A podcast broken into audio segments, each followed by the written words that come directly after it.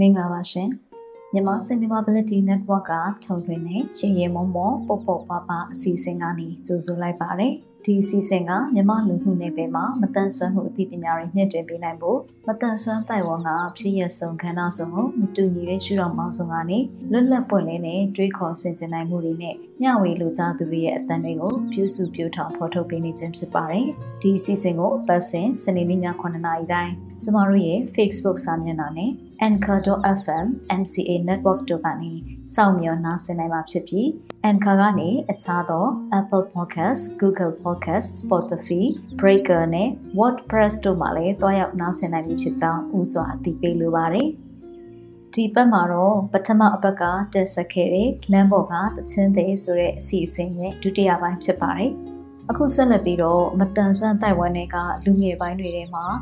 အဆိုပညာဂီတပညာအနှိပ်ပညာတွေနဲ့ရက်တည်နေကြတဲ့အမြင့်အာရုံမတန်ဆွမ်းသူနဲ့ကိုယ်အင်္ဂါမတန်ဆွမ်းသူလူငယ်တယောက်ချင်းစီကနေပြီးတော့မှသူတို့ရဲ့အတွေ့အကြုံတွေနဲ့အတူတင်ဆက်သွားကြမှာလည်းဖြစ်ပါတယ်။နားဆင်ကြည့်ကြအောင်နော်။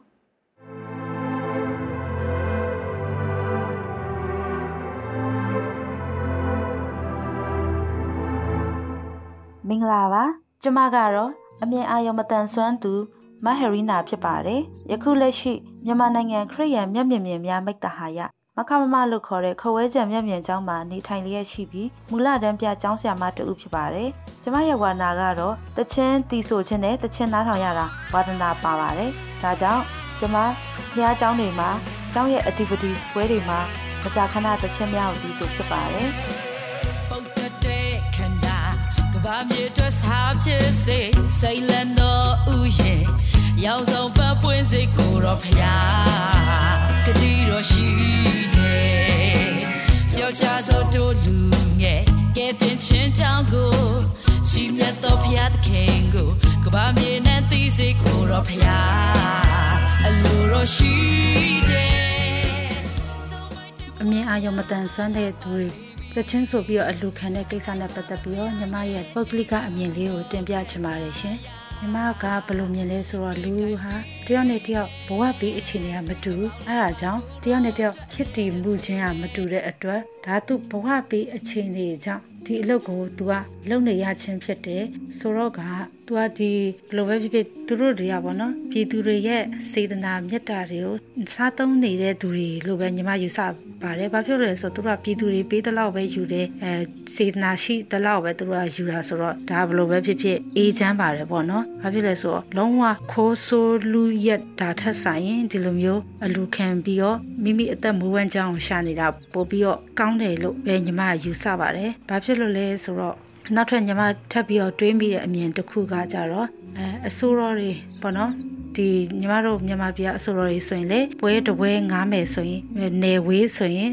ဘလောက်အနီးမှာဆိုရင်ဘလောက်အဆိုတော်တယောက်ဆိုရင်ဘလောက်ပေါ့နော်သူတို့ရဲ့အခချင်းငွေပေးရတယ်ပေါ့နော်သူတို့ရဲ့အမှုပညာကြီးလို့ခေါ်တာပေါ့နော်အမှုပညာကြီးပေးရတယ်သူတို့က professional ဖြစ်တဲ့အတွက်ကြောင့်ဒီအမှုပညာကြီးကိုပေးရတယ်ဆိုတော့ကသူတို့လည်းဒီပြိတ္တစီက သူတို့လည်းစေနာမြတ်တာဟိုခံယူပြီးတော့သူတို့လည်းပြိတ္တရှိမှရက်တည်နိုင်တဲ့အဆိုတော်ကြီးဖြစ်တယ်သူတို့လည်းအဓိကပြည်သူတွေပဲပြည်သူတွေကသူတို့ရဲ့အဲထမင်းရှင်ကျေးဇူးရှင်တွေလို့လည်းတချို့အမှုပညာတွေတွေပြောတာလည်းကျွန်မကြားဘူးတယ်ပေါ့နော်အဲဒါကြောင့်ဒီသူတို့လည်း professional ဆန်ဆန်လောက်ကြပါဒါပေမဲ့မြေပြင်မှာဖြောပြရနဲ့ဒီ stage ပေါ်မှာတကယ် live ဖြောပြရနဲ့တော့ကွာတာပေါ့ဒါပေမဲ့ sporting ချင်းတော့မတူသေးဘူးလို့ညီမ ထင်ပါတယ်ပေါ့နော်ပြီးတော့ဒီညီမတို့အမြင်အာရုံမတန်ဆွမ်းသူတွေအတွက်ကိုနေရာ area တစ်ခုခု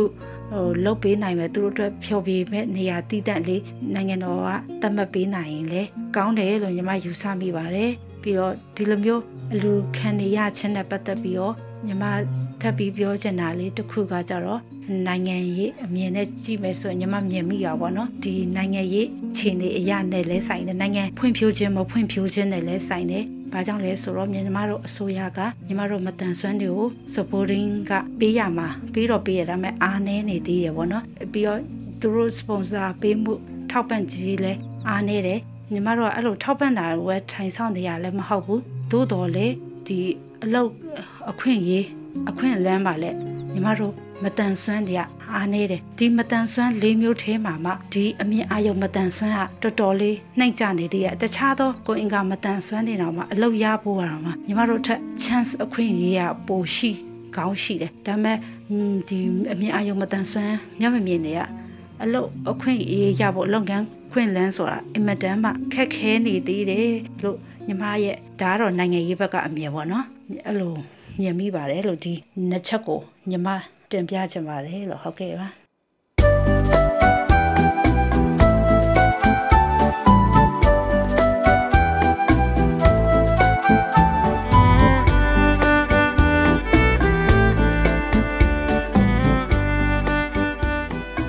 အားလုံးပဲမင်္ဂလာပါကျွန်တော်နာမည်ကစောမနိုင်ဖောင်ဖြစ်ပါတယ်ကျွန်တော်ကအခုလက်ရှိမြန်မာနိုင်ငံမတန်ဆန်းသူများရှေ့ဆောင်အဖွဲ့ Radio Department ရဲ့အောက်မှာ Audio Engineer အနေနဲ့ကျွန်တော်တာဝန်ထမ်းဆောင်ပါတယ်နောက်ပြီးတော့ကျွန်တော်အနုပညာကိုလည်းဝါသနာပါပါတယ်ကျွန်တော်ရဲ့အဓိကအနှစ်သက်ဆုံးဒုရိယာကတော့တက်ရောတီခတ်တာဖြစ်ပါတယ်အနုပညာနဲ့ပတ်သက်လို့မတန်ဆန်းသူများအဖွဲ့ကပြုလုပ်ခြင်းပါတဲ့အနုပညာပွဲတော်တို့တခြားလူမှုရေးပွဲတော်တို့ဘာသာရေးပွဲတော်တို့မှာဆိုရင်တရောတီးတာပဲဖြစ်ဖြစ်တချင်းဆိုတာပဲဖြစ်ဖြစ်တခုခုမှကျွန်တော်အဲတခါတလေကြာရင်ပါဝင်ပါတယ်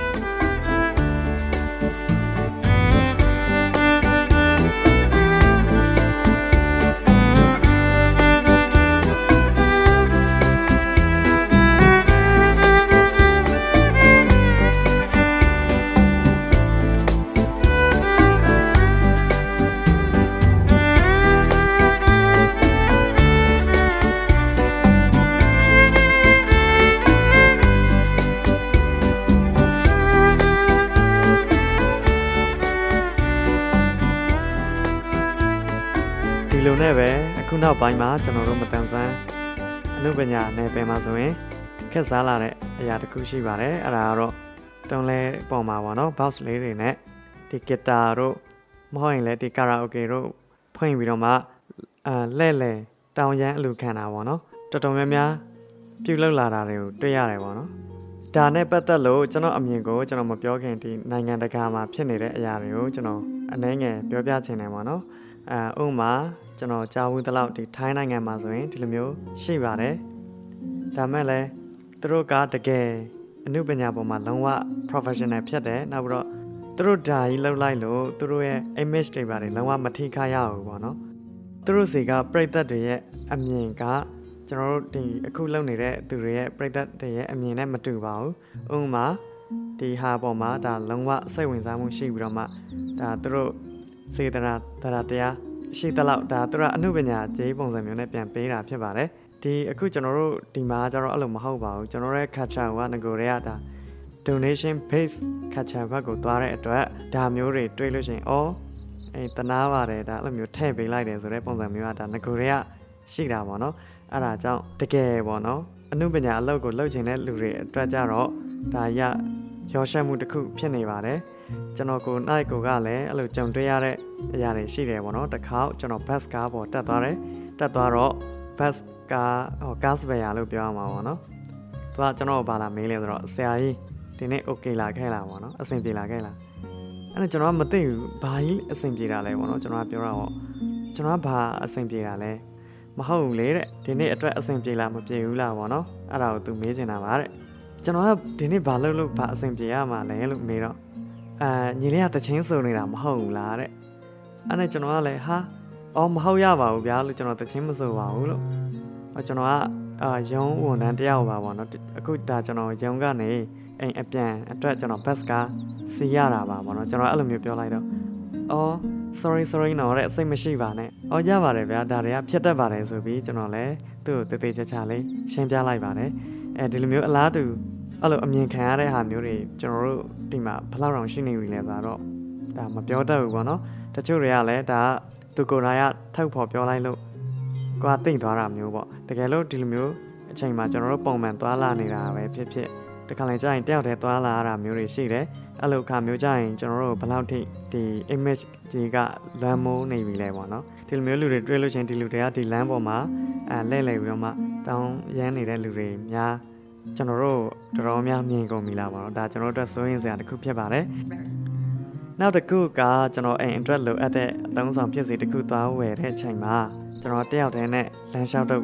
တုံးပြီးသွားတယ်သွားရင်းနဲ့ကျွန်တော်လမ်းခေါ်လိုက်တယ်ပေါ့ခဏလေးနေအောင်ခဏလေးနေအောင်ဆိုမှဘာများဖြစ်တာလဲဆိုပြီးကျွန်တော်လည်းစောင့်နေလိုက်တယ်ပေါ့အဲ့ဒီချိန်မှာလူချင်းလို့ပါဆိုပြီးတော့မှကျွန်တော်အော်ပတ်စံလာပေးတယ်ပေါ့နော်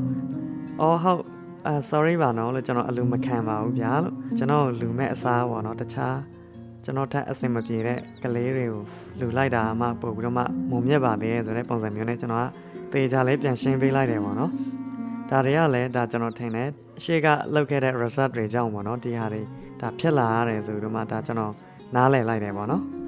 ကျွန်တော်ဆိုရင်တခါတလေကြားပါတယ်တချင်းတွေပါတယ်လာဆိုကြပြီဆိုရင်အဲမြင့်မြင့်တွေအတွက်အလူခံပါတယ် စသဖြင့်ပေါ့နော်မြင့်မြင့်အကောင်လုံးရဲ့ကိုစားကိုခြုံပြီးတုံးလိုက်တာပေါ့နော်ဒါတနည်းအားဖြင့်ပြောရမယ်ဆိုရင်အော်မတန်ဆန်းမှုကိုအကြောင်းပြပြီးတော့မှလုံနေတာပေါ့ဒါကြောင့်သူတို့လုံနေတဲ့အရာတွေကတခြားမလုံတဲ့သူတွေကိုပါထိခိုက်စေတဲ့အတွက်ကျွန်တော်အနေနဲ့ဒါမျိုးလုပ်တာကိုတော့အားမပေးပါဘူးလို့ပြောရင်းနဲ့နေကောင်ချုပ်ပါတယ်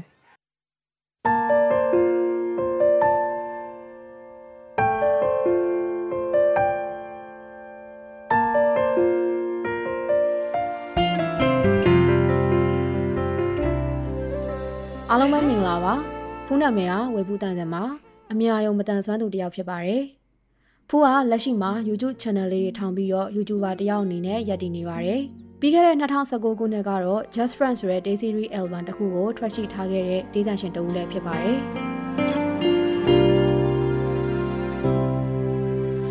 ငါငိုတော့ဘူးနင်းလို့တစ္ဆာမရှိ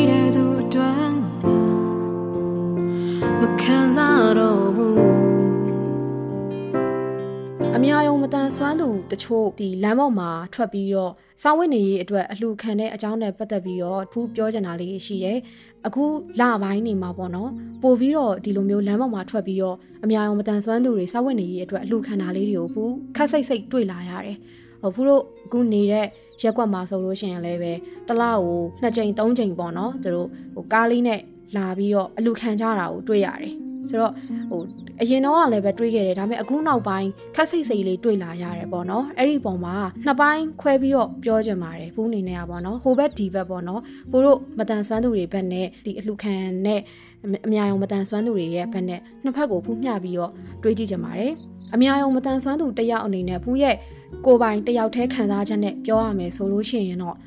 မကြိုက်ဘူးဟိုဒါအပွင့်လန်းဆုံးပြောပြတာမကြိုက်ဘူးဆိုတာကဒါဘာဖြစ်လို့လဲဆိုတော့ ဖူးတို့မြန်မာနိုင်ငံမှာမတန်ဆွမ်းသူတွေနဲ့တာမန်တန်ဆွမ်းသူပြည်သူတွေနဲ့ဂျားထဲမှာဟနေတဲ့အချက်ကလေးရှိတယ်ဟနေတဲ့အချက်ဆိုတာကတာမန်တန်ဆွမ်းသူပြည်သူတွေကဖူးတို့အများယုံမတန်ဆွမ်းသူတွေကိုဒီလိုတဆင့်နှိမ်ပြီးတော့ဗောနော်မြင်တတ်တဲ့အမြင်လေးရှိရယ်လူလူချင်းအတူတူကိုတောင်မှအားငယ်နေကြမဲ့သူတွေဒါမှမဟုတ်လို့ရှိရင်ဒီစွမ်းဆောင်ရည်တဆင့်နှိမ်နေတဲ့သူတွေလို့တတ်မှတ်တဲ့အယူဝါဒလေးတွေကရှိနေသေးတယ်နောက်တစ်ချက်ကကျတော့ဖူးတို့ စီမှာလည်းပဲဒီမတန်ဆွမ်းသူတွေထဲမှာထုံထုံပေါက်ပေါက်နဲ့ဖြစ်လာပြီးတော့ဒီလူရှိသူရှိမှာထွက်ပြနိုင်တဲ့သူကအတော်လေးနေသေးရလို့ပြောလို့ရတယ်။စ조사နေရဇဲပဲပေါ့နော်ကိုယ့်ရဲ့စွမ်းရည်တွေကိုထုတ်ပြနိုင်မှုအတွက်ကိုစ조사နေကြရတယ်ရှိပါတယ်အောင်မြင်သွားတဲ့သူတွေလည်းရှိရဒါပေမဲ့အရေးအတွက်ကတအားနည်းနေသေးတဲ့အချိန်မှာဒီလူတွေရဲ့စိတ်ထဲမှာဒီလိုလမ်းပေါ်မှာအလှူလိုက်ခံနေတဲ့အများအောင်မတန်ဆွမ်းသူတွေကိုတွေ့ပါများတယ်ဆိုလို့ရှိရင်အများအောင်မတန်ဆွမ်းသူဆိုတာ ဒီလိုပါလားဒီလိုပဲအလူခံနေကြရတဲ့လူတွေလို့တွေးသွားမှာအရင်စိတ်ပူတယ်မတန်ဆွမ်းမှုနဲ့မယင်းနီးသေးတဲ့တာမန်ပြည်သူတွေထဲမှာပေါ့နော်အဲ့လိုမျိုးတွေးသွားမှာတွေဘူးအရင်စိတ်ပူတယ်အဲ့ဒါကြောင့်ကိုကိုယ့်ရဲ့မတန်ဆွမ်းသူတယောက်အနေနဲ့ခံစားချက်အရာပြောရမယ်ဆိုလို့ရှိရင်တော့ဟိုဒါတွေကိုမဖြစ်စေချင်ဘူးမလုပ်စေချင်ဘူးမလုပ်သင့်ဘူးလို့ဖူးဘက်ကထင်တယ်အဲဒါပေမဲ့ဟိုတစ်ဖက်ကသူတို့ဘက်ကိုပြန်ပြီးကြီးလိုက်တဲ့အခါကျတော့ဘို့တို့နိုင်ငံဒီအခုချိန်မှာ အကြက်တဲတွေနဲ့ရင်ဆိုင်နေရတယ်ဟလာဒီကမ္ဘာကပ်ယောဂါကြီးနဲ့လည်းပဲရင်ဆိုင်နေရသလိုတခြားတစ်ဖက်မှာလည်းပဲဘို့တို့နိုင်ငံရေးအကြက်တဲတွေနဲ့ရင်ဆိုင်နေရတယ် အဲအဲ့လိုအချိန်မှမှမဟုတ်ဘူးဘို့တို့ဒီကာလမရောက်ခင်ဟိုးအရင်အချိန်ကြီးကလေးမှာကဘို့တို့အများယုံမတန်ဆွမ်းသူတွေမှာအလောက်ကင်ခွန်လန်းတိတ်ပြီးတော့ရှားပါတယ်ဟိုတာမန်ချိန်မှာတော့မှအလောက်ကင်ခွန်လန်းကရှားပါနေပြီးသားရှားပါနေနေတာအဲ့တော့ဒီလိုမျိုးအကြက်တဲတွေဖြစ်လာတဲ့အချိန်ဒီတာမန်လူတွေတောင်မှခက်ခဲလာတဲ့အချိန်မှာဘို့တို့လိုမျိုးအများယုံမတန်ဆွမ်းသူတွေကနှစ်ဆပို့ပြီးတော့ခက်ခဲလာကြတယ်ကြက်တဲလာကြတယ်ဒီလိုအားလုံးအကြက်တဲနဲ့ရင်ဆိုင်နေရတဲ့အချိန်မှာကိုရီးယားနှစ်ဆပို့ပြီးကြက်တဲကြတယ် အဲ့တော့ဒီလိုအချိန်ကြီးမှာသူတို့ရဲ့တက်တဲ့ပညာလေးနဲ့ဒီသူတို့တက်တဲ့ဂီတပညာနဲ့သူတို့ဒီလိုမျိုးထွက်ပြီးတော့ဝမ်းစာရှာတာဒါသူတို့အပြစ်လားပေါ့ဒါသူတို့ဘက်ကလည်းပဲဒီလိုမျိုးပြောနိုင်တယ်အာဒါကိုရီးယားလည်းထည့်ပြီးတွေးပေးရမယ်ပေါ့အဲဆိုဘူးတို့မှာအလောက်ကန်ခွင်လဲရှားပါတာ။တာမန်လူတွေတောင်မှတကယ်ကြက်တဲနေတဲ့အချိန်မှာဒီမတန်ဆွမ်းသူတွေဒီအများအောင်မတန်ဆွမ်းသူတွေကအလုံးလက်မဲ့တွေဖြစ်ကြမယ်ဟာလားဟိုစာဝတ်နေကြက်တဲလာကြတဲ့အခါကျတော့ဒါကသူတို့တမအာဒီဝနဲ့ပဲ ရှာစားတယ်လို့ပဲသူတို့ဘက်ကခံယူပြီးတော့လုပ်နေကြမှာပဲဒါသူတို့ဘက်ကကြည့်တော့သူတို့အမှန်တရားပေါ့ဖိုးတို့ဘက်ကကြည့်တော့လည်းပဲဒါဖိုးတို့ရဲ့အမှန်တရားပေါ့ကိုယ်တိုင်းနဲ့ပေတံချင်းမတူတဲ့သဘောမျိုးပေါ့နော်ဒီလိုမျိုးတော့မြင်မိတယ်အဲ့တော့အခုလိုဖြစ်နေရတဲ့အခြေအနေတွေအားလုံးကအမြင့်ကိုလှန်ပြီးပြန်ကြည့်လိုက်မယ်ဆိုရင်တော့လေ အဖူးထင်မြင်မိတာဒါဒါဖရိုနိုင်ငံမှာပညာရေးအားနည်းတယ်အများယုံမတန်ဆွမ်းသူတွေအတွက်ပညာတချို့ဆိုလို့ရှိရင်ပညာသင်ဖို့ကိုလက်လှမ်းမမီခဲ့တဲ့သူတွေရှိရဲဒီပညာကိုလက်လှမ်းမီတဲ့သင်ယူနိုင်ခဲ့တယ်ဆိုရင်တော့မှအများယုံမတန်ဆွမ်းသူတွေအတွက်အလောက်ကင်ခွင့်လန်းတိတ်ပြီးရှားပါတယ်ဆိုမရှိသလောက်ရှားပါတယ်ပေါ့နော်ဆိုတော့အဲ့ဒါမျိုးလေးတွေကြောင့်ဒီလိုမျိုးဖြစ်လာတာဖြစ်ပါတယ်ဒါကတော့ဖူးရဲ့ယူဆချက်တွေပါ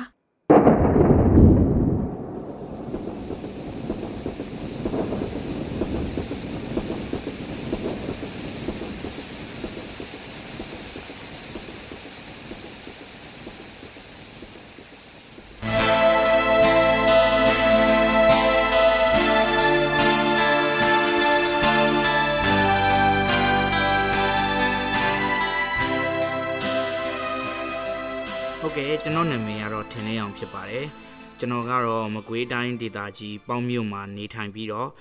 ကျွန်တော်တက်ရောက်နေတဲ့မျက်မြင်ကျောင်းကတော့ကြီးမနိုင်မျက်မြင်ကျောင်းဖြစ်ပါတယ်အခုလက်ရှိအချိန်မှာတော့တမိုင်းဘာသာရပ်အထူးပြုနဲ့ရန်ကုန်တက္ကသိုလ်မှာဒုတိယနှစ်တက်ရောက်နေစေတက္ကသိုလ်ကျောင်းသားတဦးလည်းဖြစ်ပါတယ်ကျွန်တော်ကဂီတအမှုပညာမှာတချင်းဆိုရတာကိုဝါသနာပါသူတဦးဖြစ်ပြီးတော့ကျောင်းပွဲတွေကျောင်းကစီစဉ်တဲ့ပြင်ပပွဲတွေနဲ့မတန်ဆွမ်းအဖွဲ့အစည်းတွေကစီစဉ်တဲ့ အမှုပညာပွဲလေးတွေမှာလည်းချင်းတီဆိုရင်ဖျော်ဖြေပေးနေတာလည်းရှိပါတယ်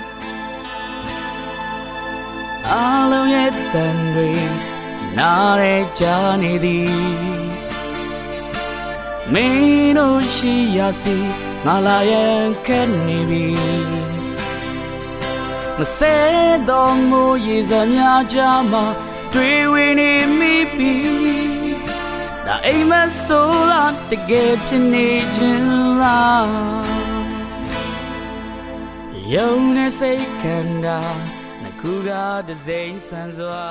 လမ်းပေါ်ကတချင်းတွေနဲ့ပတ်သက်လို့ဘယ်လိုမြင်လဲဆိုရင်တော့ကျွန်တော်ကတော့ဒီအလုပ်ကိုအာကြိုက်လဲမကြိုက်တယ်လို့အာအားလည်းမပေးဘူးပေါ့နော်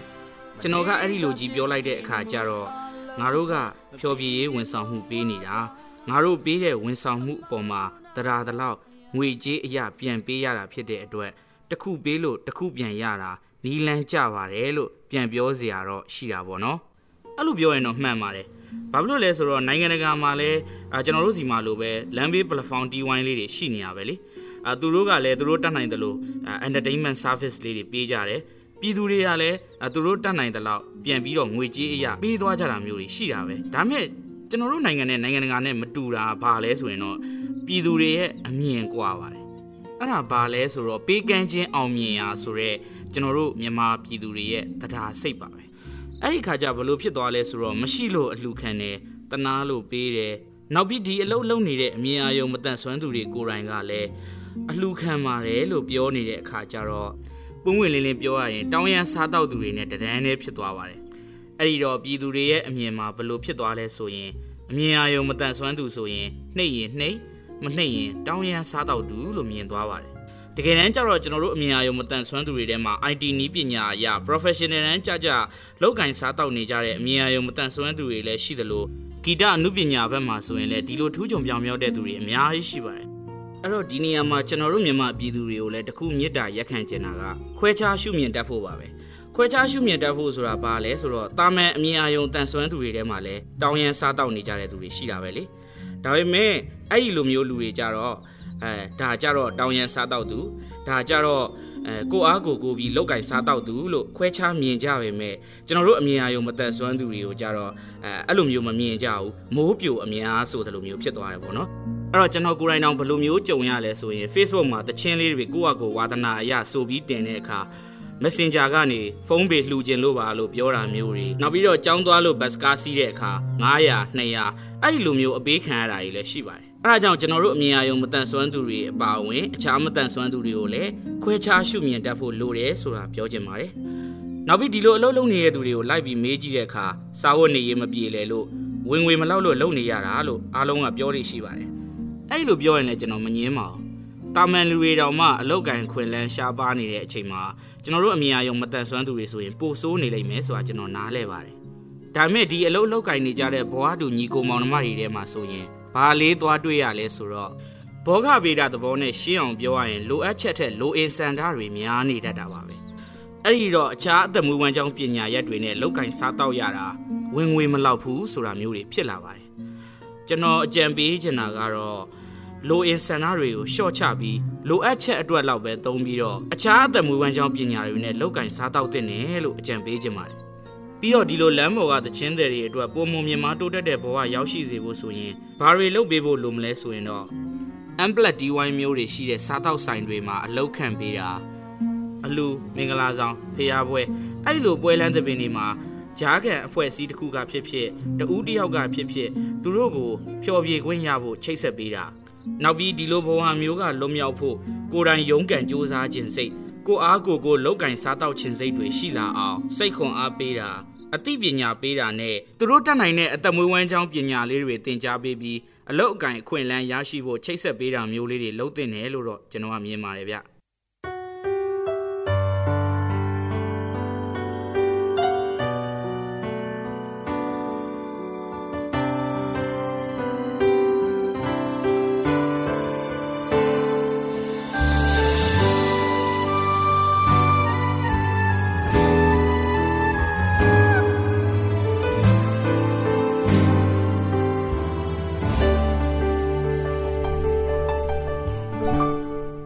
အားလုံးပဲမင်္ဂလာပါကျမနာမည်နှင်းယူခင်လို့ခေါ်ပါတယ်ကျမကတော့အမြာယုံချိုယွင်းခဲ့တာက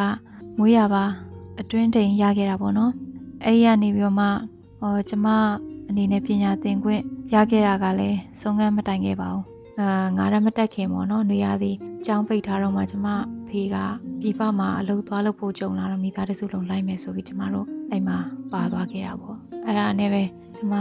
အဲအကြောင်းဆက်တက်ခွင့်မရတော့ဘူးဒါပေမဲ့ဟိုမှာတော့စာသင်ခွင့်ရသေးတယ်အဲဆရာအိမ်ခေါ်ပြီးတော့ကျောင်းတစ်ကျောင်းနဲ့ဆက်သွယ်ပြီးတော့မှအဲအဲ့မှာရှစ်တန်းရောက်ခဲ့တယ်ပေါ့အဲမြန်မာပြည်ကိုပြန်ရောက်လာတဲ့အခါမှာအခွင့်အလမ်းလေးတစ်ခုတွေ့လာတယ်ပေါ့အဲ့ဒါကတော့ကျမဝါသနာပါတဲ့တချင်းဆိုခြင်းအလုပ်ကိုကောင်းထဲပေါ်ဖို့အတွက်ဘူးပေါ့နော် City FM စပြီးတော့ပေါ်လာတဲ့အချိန်မှာတက်တက်လွင်ပြင်းဆိုတဲ့ရွက်ပုံးလေးအဆိုရှင်တွေကိုပေါ်ထုတ်ပေးတဲ့ကဏ္ဍလေးပေါ့အဲ့မှာ2002ကနေ2006လောက်ထိကျမ တချင်းဆိုနေခဲ့တဲ့အဲ့ဒီ FM မှာအဆိုရှင်နဲ့လည်းတွဲပြီးတော့ဆိုခွင့်ရခဲ့တယ်2013ခုနှစ်ကမြန်မာနိုင်ငံမတန်ဆွမ်းသူများရှေ့ဆောင်အဖွဲ့ရဲ့ဦးစီးဦးဆောင်ပြုမှုနဲ့ကျင်းပပြုလုပ်ခဲ့တဲ့အနက်ကရောင်စင်ဆိုတဲ့မြန်မာနိုင်ငံမတန်ဆွမ်းသူများအနုပညာပွဲတော်လေးမှာအာမြန်မာတန်မာရောခေတ်ပေါ်အနေနဲ့မှာပါပါဝင်ခွင့်ရခဲ့ပါတယ်အဲ့ဒီရဲ့နောက်ကအာဆီယံဒေသအဆင့်မတန်ဆွမ်းသူများအနုပညာပွဲတော်ရှိမယ် အဲ2014ခုနှစ်မှာအဲ့ဒီပွဲလေးရဲ့အထိမ့်မှတ်အနေနဲ့အော်ထုတ်ခဲ့တဲ့ day series လေးတစ်ခွေမှာလည်းပါဝင်ဝင်ရခဲ့ပါတယ်အဲ့ဒီကနေပြီးတော့တစ်ဆင့်ပေါ့နော်တစ်ဆင့်ပြီးတစ်ဆင့်အဲ့ဘဝတူကိုနဲ့ဘဝတူအာမတန်ဆွမ်းသူတွေနဲ့လည်းပြန်ပြီးဆက်သွယ်ပြန်ရလာတဲ့ခါမှာသူတို့လိုအပ်တဲ့နေရာတွေမှာလည်းကိုကကိုတက်နိုင်တဲ့ဘက်ကပေါ့နော်ကျမအနေနဲ့ကတော့ကူညီပေးခဲ့တယ်ပေါ့နော်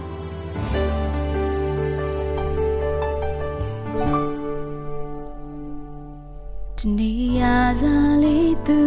ရဲ့အနာရှိနေခွင့်ဟာဘဝတွေမှာတန်ဖိုးထားဆုံးရာတခုပါရှုံးပြီးရင်ရှုံးလေမုံလို့မရ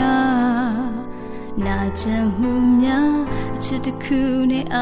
လုံးမိထား Oh ချူ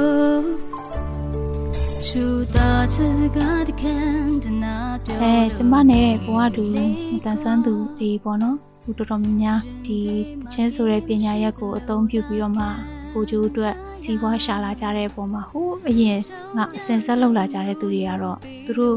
အဲမှာရွေးချယ်စရာလမ်းမရှိလို့ဒီဒါကိုအတန်ဘုံအကြောင်းပြုပြီးရက်တီးရတာကျွန်မနားလေတယ်ကျမနဲ့လည်းသိရဲ့အပြင်မှာပေါ့နော်တချို့တွေနဲ့ကျမသိပါတယ်အဲဒါပေမဲ့သူတို့အလုပ်ချိန်မဟုတ်တဲ့ ချိန်မှာတော့ကိုရင်းကိုနဲ့ကတာမန်ရှားတငယ်ချင်းနေနဲ့လို့ပဲတရင်တနည်းရှိတယ်အဲသူတို့အလုပ်လုပ်နေတဲ့အချိန်တွေမှာတော့ကျမနဲ့တခါမှမဆုံဘူးကျမရှိရဲ့ဝန်းကျင်ကိုလည်းသူတို့ရောက်မလာဘူးပေါ့နော်ဘူးမှရောက်လာဘူးအဲ့တော့စုံခဲ့ရင်ရောကျမအနေနဲ့ဘယ်လိုတုံ့ပြန်မှုရှိနိုင်မလဲဆိုရင်တော့ကျမငွေကြေးအဖြစ်လည်းပံ့ပိုးမိမှာမဟုတ်သလိုတွားရောက်ပြီးတော့လည်းခေါ်ပြောနှုတ်ဆက်မိမှာမဟုတ်ပါဘူးဒါကခွဲခြားဆက်ဆံတာမဟုတ်ဘူးပေါ့နော်ခွဲခြားဆက်ဆံတာမဟုတ်ကျမမှအဲ့လိုမျိုးတော့မရှိဘူး အဲကျမကကျမရဲ့မျက်မြင်တူကြီးတရက်လုံးအနေပိုင်းကိုရောက်သွားမဲ့အဖြစ်မျိုးမလိုလားတာပါအဲ့တော့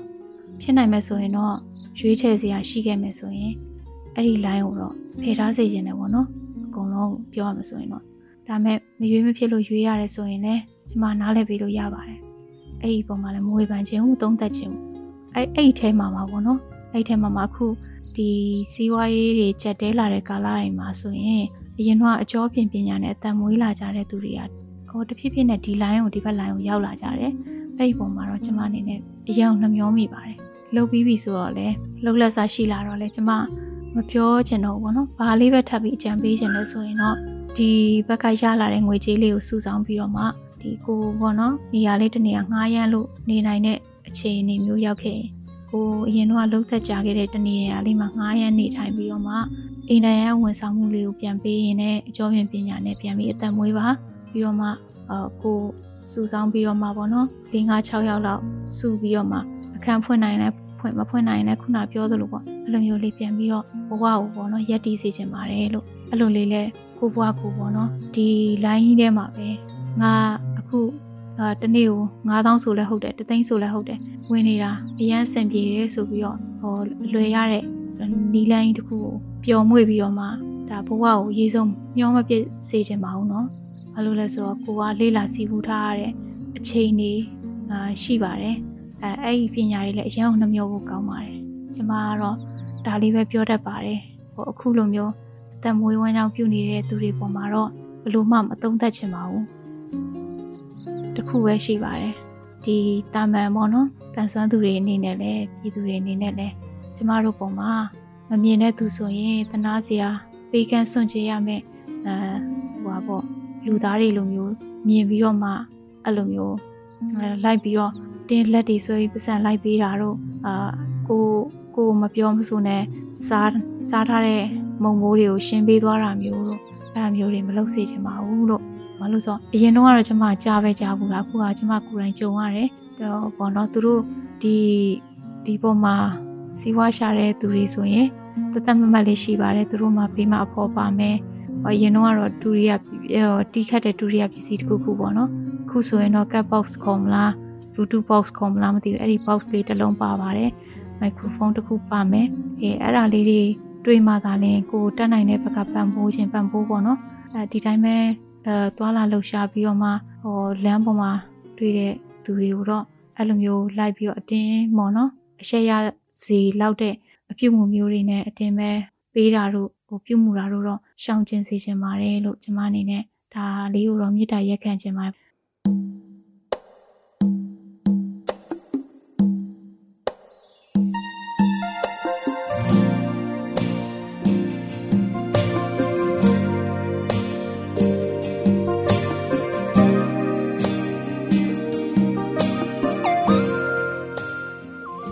တော်နာမည်ကတော့ဆိုင်းထနိုင်ထုံးပေါ့နော်အဲကျွန်တော်ကတော့ကြီးမနိုင်မြဲမြင်ကျောင်းမှာ2000ခုနှစ်ကနေပြီးတော့2017စနစ်ပညာသင်နှစ်အထိပညာသင်ကြားခဲ့ပါတယ်ပညာရည်ချင်းအနေနဲ့ကတော့2010 2017မှာကျွန်တော်10တန်းအောင်ခဲ့ပါတယ်အခုလက်ရှိကတော့ကျွန်တော်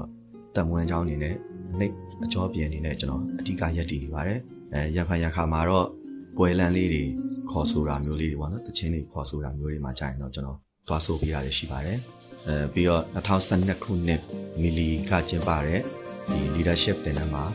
တက်ရောက်ခဲ့ပါတယ်ပြန်တော်တော့မခိုက်တန်လေးဒုနှလုံးသားတဲ့တိတ်တိတ်ဆွေးတွေလိုအိမ်မရှိထားခဲ့တော့မလားလေအနေဝေးသွားတော့မဲ့ချိန်များ တို့နှစ်ဦးမတွေ့ရမယ့်ရများမှာစဆောင်သူလေးငါကိုနိမေထားရောမလားအတွေ့များငါရင်နေအဲအခုကျွန်တော်ပြောချင်တာကအခုလက်ရှိဖြစ်နေတဲ့အဓိကဖြစ်နေတဲ့ပြဿနာပဲပေါ့နော်ဟိုအနှိတ်သမားတွေက အနှိတ်သမားတွေကတဖြည်းဖြည်းနဲ့ဒီ လမ်းပေါ်ကတချင်းတယ်ဆိုတဲ့အတိုင်းပဲလမ်းပေါ်မှာသွားပြီးတော့တချင်းဆူတာမျိုးလေးတွေလောက်လာကြတယ်အဲ့အတွက်ပထမဆုံးအနေနဲ့ကတော့စိုးရိမ်ပါတယ်လို့သူတို့ဘာစိုးရိမ်လဲဆိုတော့တိုင်းပြည်အခြေအနေကနေရာတိုင်းမှာဟောအန်ဒီရီကအခုဆိုရင်တွေ့နေရတယ်ပေါ့နော်မလုံခြုံပါဘူးနောက်တစ်ခုကယောဂဘယ်ရလဲအခုဆိုရင်လုံးဝပျောက်ကင်းသွားတာမျိုးလည်းမဟုတ်သေးဘူးလေအဲ့ဒါလေးတွေအတွက်လည်းစိုးရိမ်ပါတယ်လို့ဘယ်လိုလုပ်ပြီးတင်တယ်လဲဆိုရင်တော့အခုတော့မဟုတ်ပါနော် နောက်တစ်ချိန်တိုင်းပြည်အခြေအနေအကုန်လုံးကောင်းသွားတဲ့တနေ့စီးပွားရေးတွေအကုန်လုံးကောင်းသွားတဲ့တနေ့ကြရင်တော့ဒီတီးတန့်ဟိုဖြော်ပြတဲ့နေရာမျိုးလေးတွေပေါ့ music corner လိုမျိုးနေရာလေးတွေရှိတာကောင်းပါတယ်လို့အဲကျွန်တော်တို့ကလူစီကားရနေရာကိုသွားပြီးတော့ live ဆိုနေတာထက်ဆိုင်ကျွန်တော်တို့ဆိုတဲ့နေရာမှာလူတွေလာပြီးတော့နားထောင်တာမျိုးပဲကျွန်တော်တို့ဖြစ်စေချင်တယ်ပေါ့နော်ဒါကကျွန်တော်တို့ရဲ့ကျွန်တော်တို့တက်တဲ့ပညာကိုတကယ်ကို ဈေးပန်းခင်းတာပေါ့နော်ဈေးပန်းခင်းတယ်ဆိုတဲ့နေရာမှာဟိုခေါင်းရွက်ပြီးတော့ဟိုလိုက်ရောင်းတဲ့ဈေးတယ်လို့မဟုတ်ဖ ೇನೆ ဟိုစိုင်တီးတန့်ပုံစံမျိုးလေးနဲ့အခန်းတီးတန့်ပုံစံမျိုးလေးနဲ့ကိုယ့်အနေကိုအထိုင်ချပြီးတော့စူတဲ့နေရာမှာလာပြီးတော့နားထောင်စီခြင်းတာအဲ့လိုနားထောင်လို့တန်ရင်သူတို့ကြိုက်ရင်သူတို့စုချမယ်အဲ့လိုမဟုတ်ဘဲနဲ့အခုကျတော့ဟိုလိုက်သွားနေလို့တနာလို့တချို့လဲတချင်းကိုနားထောင်ခြင်းမှလည်းနားထောင်မယ်ဆိုတော့အဲ့ဒီပေါ်မှာဟိုတနာလို့ပြီးတဲ့အမြင်မျိုးလေးတွေတော့ကျွန်တော် မဖြစ်စေချင်ပါဘူးလို့တခါတော့ဆိုရင်တော့ကျွန်တော်ကိုတွေးတော့မဟုတ်ဘူးပေါ့နော်တငယ်ချင်းတယောက်ရဲ့အတွေ့ဟိုသူစိုင်ကြီးတစ်ခုမှာပစ္စည်းသွားဝယ်တာဒါပေမဲ့အစောပိုင်းတော့သူတို့တွေဒီဒီလိုတချင်းလိုက်ဆိုတဲ့ဟာလေးတွေတွေ့ဘူးထားတော့တချင်းလိုက်ဆိုတာလို့လိုမျိုးမြဲမြံလူခံပါတယ်လို့အဲ့လိုမျိုးတွေလိုက်ပြီးတော့ဘာဖြစ်ထားတာတွေ့ဘူးထားကြတယ်ထင်ပါတယ်ဝန်ထမ်းတွေကပြန်နှင်လွတ်တာမျိုးလေးတွေရှိတယ်ပေါ့နော်။မှန်တော့ကိုယ်ကပစ္စည်းဝယ်ချင်လို့လာတာ။ဆိုတော့ဒါတွေက ဒီတချင်းအဲ့လိုမျိုးတချင်းဆိုတာတော့အဲ့လိုလူခန္ဓာတို့ရဲ့နောက်ဆက်တွဲဒီစူဂျိုးတွေလိုပဲစူဂျိုးအမြင်အမြင်စိုးတွေလိုပဲပြောရမလားမသိဘူးပေါ့နော်အမြင်တွေကအားလုံးမကျဲကြသေးဘူးပေါ့ကျွန်တော်တို့ဒီမတန်ဆွမ်းလောကမှာအခုဆိုလို့ရှိရင်အဓိကကျွန်တော်တို့မျက်မြင်နေဆိုလို့ရှိရင်တော့အနှိမ့်နဲ့ရက်တည်ကြတာများတယ်ပေါ့နော်ဒါမဲ့အခုကာလကြတော့အဲ့လိုမဟုတ်တော့ဘဲနဲ့အနှိမ့်အပြင်ကိုနောက်ထပ်စီးပွားရေးတစ်ခုအနေနဲ့တချင်းဆိုတဲ့ဟာပါဖြစ်လာတယ်တချို့တွေဆိုလို့ရှိရင် အနှိမ့်မှာတကယ်ကိုကောင်းပြီးတော့လူသိများတဲ့အပေါင်းအသင်းတွေလည်းရှိတယ်ပေါ့အဲ့ဒီလူတွေဆိုလည်းအခုဒီဒီဒီလောကတွေကိုရောက်သွားကြပြီပေါ့နော်အဲ့တော့စိတ်မကောင်းဘူးဘာလေးတွေပါအတန်ကြားလာရလဲဆိုတော့အနှိမ့်ထက်ပို့ပြီးတော့ဝင်ငွေကောင်းတယ်ပေါ့နော်အနှိမ့်ထက်ပို့ပြီးဝင်ငွေကောင်းတယ်ဆိုပြီးတော့မတ်လုံးလေးတွေဖြစ်လာတယ်နောက်အဲ့လိုမျိုးပေါ်မှာတချို့တွေဆိုလို့ရှိရင်လှုပ်ရှားလာတာလေးရှိတယ်ပေါ့နော်လူလိုက်စုတာမျိုးပေါ့တချင်းဆိုရင်ဘယ်လောက်ပေးမယ်ဘယ်လောက်ရမယ်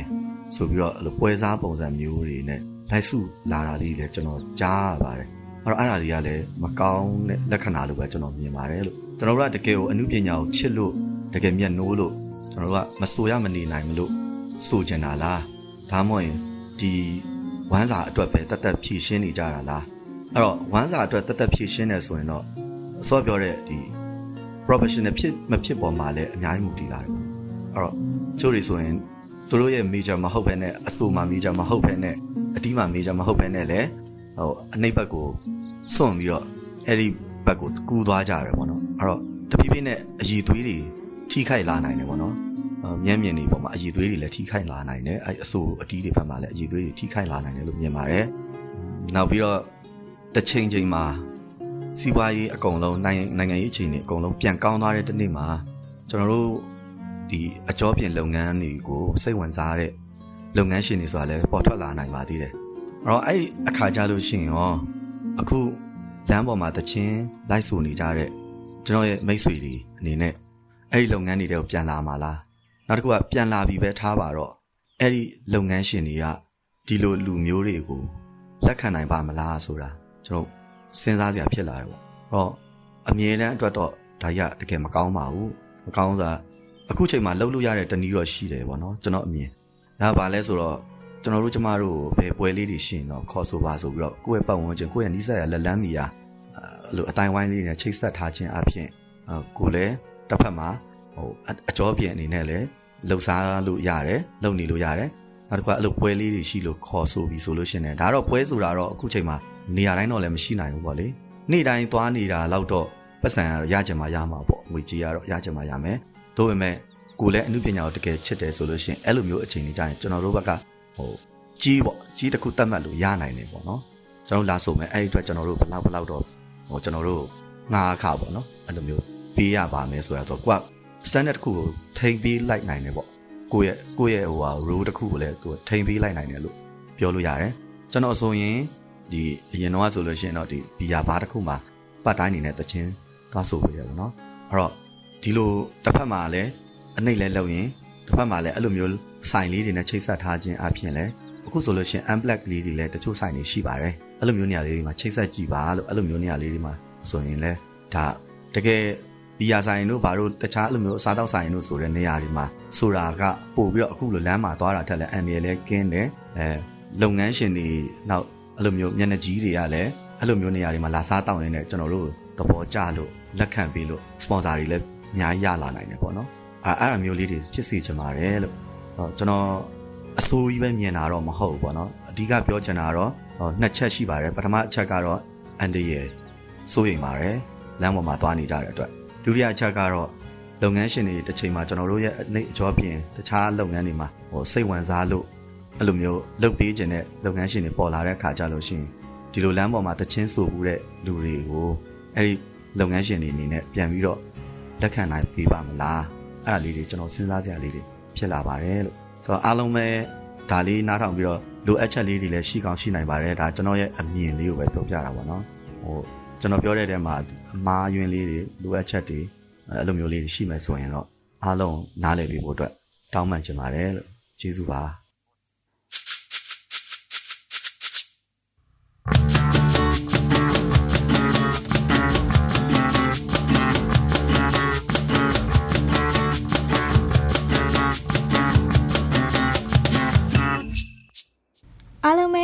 ပါရှင်ညီမနာမည်ကတော့သဇင်သီရီခက်လို့ခေါ်ပါတယ်ဝိချက်အသုံးပြုသူကိုရင်ကမတန်ဆွမ်းသူတူပဲဖြစ်ပါတယ်အမျိုးသားယဉ်ကျေးမှုနဲ့အနုပညာတက္ကသိုလ်ဂီတမီဂျာမှာဒုတိယနှစ်တက်ရောက်နေတဲ့ကျောင်းသူတူလည်းဖြစ်ပါတယ်ညီမကမွေးတုန်းကတော့တန်ဆွမ်းသူတွေနဲ့အတူတူပါပဲညီမလေးလအရွယ်သမီးမှာဘယ်ဘက်လက်မောင်ယူစာကျိုးခဲ့တယ်အဲကနေနောက်ပိုင်းတဖြည်းဖြည်းခြေထောက်ဒီပါစာကျိုးရပေါ့နော်ညီမအယူကကျိုးပြီးတော့ရင်ကွေးနေတယ်အဲ့ဒါကြောင့်မလို့ညီမလက်မလျှောက်နိုင်တော့ဘဲနဲ့ဝိချက်အသုံးပြုခဲ့ရတယ် ညီမရဲ့ယောဂါကတော့ osteogenesis imperfecta လို့ခေါ်တဲ့အယိုးကျွယောဂါတစ်မျိုးပါဒီကဆဆဖြစ်တုန်းကတော့ညီမရှက်ခဲ့တယ်တိမ်ငယ်ခဲ့တယ်အဲ့ဒါတွေလိုက်အမေနောက်မှာပုံနေရတဲ့ထီတောင်မှဖြစ်ခဲ့ရပေါ့နော်ဒါပေမဲ့ညီမရဲ့မိသားစုကညီမစိတ်တက်တက်ကြွလာအောင်ညီမပျော်ရွှင်မှုတွေရလာအောင်ဆိုပြီးတော့ဖိမကြတယ်ညီမဝါသနာပါတဲ့အလုပ်ကိုလုပ်နိုင်အောင်လည်းအဖက်ဖက်ကနေကူညီပေးကြတယ် အခုညီမရဲ့တက္ကသိုလ်မှာအထူးပြုဒူရိယာအနေနဲ့စောင်းဒူရိယာတီးခတ်နေပါတယ်။အသက်12နှစ်လောက်ကတည်းကညီမဂီတစတီးခဲ့တယ်။ညီမရဲ့တငယ်ချင်းတွေနဲ့ Future Band လို့ခေါ်တဲ့လူငယ်ဂီတတီးဝိုင်းလေးတစ်ခုဖိတ်ဖြစ်ခဲ့တယ်။ COVID-19 မဖြစ်ခင်တီးတော့ညီမရဲ့ Future Band နဲ့အတူဖျော်ရည်ပွဲတွေမှာတီးဆိုဖျော်ပြနေပါတယ်။အခုတော့ COVID ကာလမှာ online virtual concert လေးတွေမှာပါဝင်ဖြစ်တယ်။ online media တွေနဲ့လည်း interview တွေဖြစ်ဖြစ်ပါတယ်။ ဒီကာလာကြီးမှာကိုကိုကိုစိတ်ဓာတ်မကျအောင်ဆိုပြီးဝါသနာပါတဲ့အလုပ်လေးတွေလုပ်ဖြစ်တယ်။ online ကနေကိုအတွက်ရနိုင်မဲ့သင်တန်းလေးတွေလည်းတက်နေပါတယ်။ညီမအများဆုံးသိဆိုရေးပြတဲ့သချင်းလေးတွေကတော့လူတွေကိုစိတ်သက်ခွန်အားပေးနိုင်မဲ့သချင်းလေးတွေပဲဖြစ်ပါတယ်။အားလုံးကိုစိတ်ဖိစီးမှုတွေစိတ်ညစ်စရာတွေနာကျင်ခံစားမှုတွေကနေရုံထွက်နိုင်အောင်တစ်ဖက်တစ်လမ်းကနေကူညီခြင်းပါတယ်။အဲဒီအတွက်ကြောင့်မလို့လဲ music therapist လို့ခေါ်တဲ့ဂီတကုထုံးပညာရှင်တစ်ယောက်ဖြစ်ဖို့ကညီမရဲ့အိမ်မက်တစ်ခုဖြစ်လာခဲ့တယ်။ ညီမရဲ့မရောက်နိုင်သေးတဲ့အိမ်မက်တွေကိုရှိသမျှစွမ်းရည်နဲ့အကောင်းဆုံးကြိုးစားသွားမှာပါကဲဆိုရ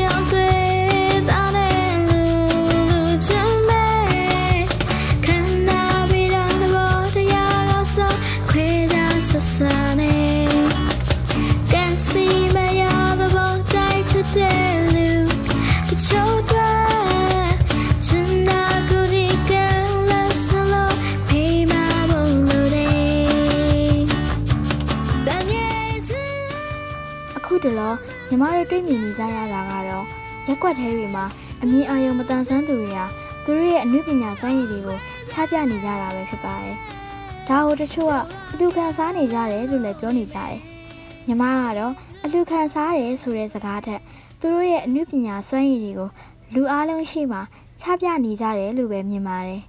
အခုဆိုရင် social media တွေမှာလည်းတွေ့နေရပါတယ်အဲ့ဒါကတော့ နိုင်ငံတကာမှာတန်ဆွမ်းသူတွေဖြစ်ဖြစ်မတန်ဆွမ်းသူတွေဖြစ်ဖြစ်အများပြည်သူစီကားတဲ့နေရာတွေမှာ basking လို့ခေါ်တဲ့ဖျော်ဖြေမှုတွေလုပ်နေကြတာဟုတ်ပါပဲ basking ဆိုတာကတော့ကိုတက်ကျွမ်းတဲ့အမှုပညာနဲ့လူစီကားတဲ့နေရာတွေမှာတီဆိုဖျော်ဖြေပြီးတော့အသက်မွေးဝမ်းကြောင်းပြုကြတယ်လို့အထိပ္ပယ်ရပါတယ် basking ကနေအစပြုခဲ့တဲ့နာမည်ကြီးဆိုတော်တွေလည်းအများကြီးရှိရလို့သိရပါတယ်အားလုံးသိကြတဲ့ Ed Sheeran ဆိုရင်လည်း basking ကနေအစပြုခဲ့တာပါတဲ့ ဒါရှစ်စရာတခုမဟုတ်ပါဘူးမိမိတို့ရဲ့တက်ကြွတဲ့အမှုပညာနဲ့ဖျော်ဖြေနေကြတဲ့သူတွေကိုသဘောကျနှစ်ချိုက်တဲ့သူတွေကဂုံပြုတ်ချီးမြှင့်ငွေအနေနဲ့ပြန်လည်ချီးမြှင့်အားပေးပေးကြတာဖြစ်ပါတယ်။ကိုသဘောကျတဲ့ဖျော်ဖြေပွဲတစ်ခုကိုသွားကြည့်ကြမယ်ဆိုပါစို့။အဲ့ဒီဖျော်ဖြေပွဲရဲ့တန်ရာတန်ကြီးတစ်ခုဖြစ်တဲ့လက်မှတ်ကိုတော့ညီမတို့ဝယ်ကြရတယ်မဟုတ်လားရှင်။ဒီလိုပါပဲ။ဖျော်ဖြေတဲ့သူကဖျော်ဖြေတယ်။သဘောကျနှစ်ချိုက်တဲ့သူကပြန်လည်ချီးမြှင့်အားပေးတယ်။အဲ့ဒီအဓိပ္ပာယ်ပါပဲရှင်။ ညီမကတော့မကောင်းတဲ့အရာရှက်စရာတစ်ခုလို့မမြင်ပါဘူးရှင်။လူအများစုကလည်းမတန်ဆွမ်းသူတွေလုံနိုင်ကြပါတယ်ဆိုတာကိုလက်ခံယုံကြည်လာကြပါပြီဒီကာလာကြီးမှာလူတွေအားလုံးအဖက်ဖက်ကနေအမျိုးစုံခက်ခဲမှုတွေကိုကြုံတွေ့နေကြရပါတယ်မတမာတဲ့နီလန်းတွေခိုးဝှက်နေကြတာမှမဟုတ်တာရှင်တမာအာစီဝါကြကြနဲ့လုပ်တဲ့ဘယ်အလုပ်မဆိုဂုဏ်ယူစရာပါတချို့တန်ဆွမ်းတဲ့သူတွေတောင်မိမိဝါသနာပါတဲ့အရာကိုလူအများရှိမှချပြရမှာ အရန်ကြောက်ကြတယ်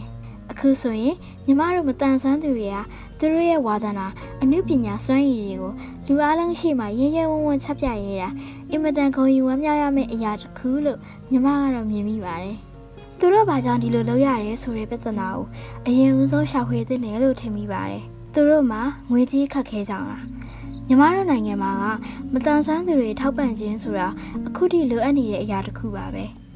မတန်ဆန်းသူအချင်းချင်းပဲဖေးမနေကြရပါတယ်။အရင်တုန်းကဆိုရင်မီလီယာပြုလုပ်တဲ့မတန်ဆန်းသူများအနုပညာပွဲတော်မှာလည်းညီမပါဝင်ခဲ့ပြီးပါတယ်။ဒါပေမဲ့ဒီလို COVID-19 ကာလမှာဖျော်ဖြေပွဲတွေလည်းလုံးလုံးမရတဲ့အတွက်ကြောင့်မလို့ညီမဆိုရင်ညီမရဲ့ဝါသနာပါတဲ့ဂီတကိုအွန်လိုင်းမှာပဲလုပ်ဖြစ်နေပါတယ်။တချို့ကလည်းအင်တာနက်အဆင်မပြေရကြောင်းဒီလိုမျိုး busking လုပ်ကြတယ်လို့ညီမတော့ထင်မိပါတယ်။သူတို့ကိုသဘောကျတဲ့သူတွေကလည်းပြန်ပြီးဂုဏ်ပြုအားပေးကြတယ်။ ဒီလိုနဲ့ basking လို့ခေါ်တဲ့တက်ကြွတဲ့အမှုပညာနဲ့လူစီကားတဲ့နေရာတွေမှာအတမွေးဝမ်းကြောင့်ပြုတ်နေကြတယ်လို့ထင်မိပါတယ်။သူတို့မှာရှိနေတဲ့အခက်အခဲတွေကိုအရင်ဆုံးရှာဖွေပြီးတော့ကုညီထောက်ပံ့သင့်တယ်လို့ထင်မိပါတယ်။ဒါမှမဟုတ်လေသူတို့ကအထောက်ပံ့တွေမလိုချင်ဘူး basking မလုပ်ချင်တာဆိုရင်သူတို့အတွက် basking လုပ်လို့ရမယ့်တလေရာစိတ်ချရပြီးလုံခြုံမှုရှိတဲ့နေရာလေးတစ်ခုကို public area မှာရှာပြီးကူညီပေးသင့်တယ်လို့ထင်ပါတယ်။ ဒါကတော့ညီမရဲ့ထင်မြင်ယူဆချက်လေးတွေပဲဖြစ်ပါတယ်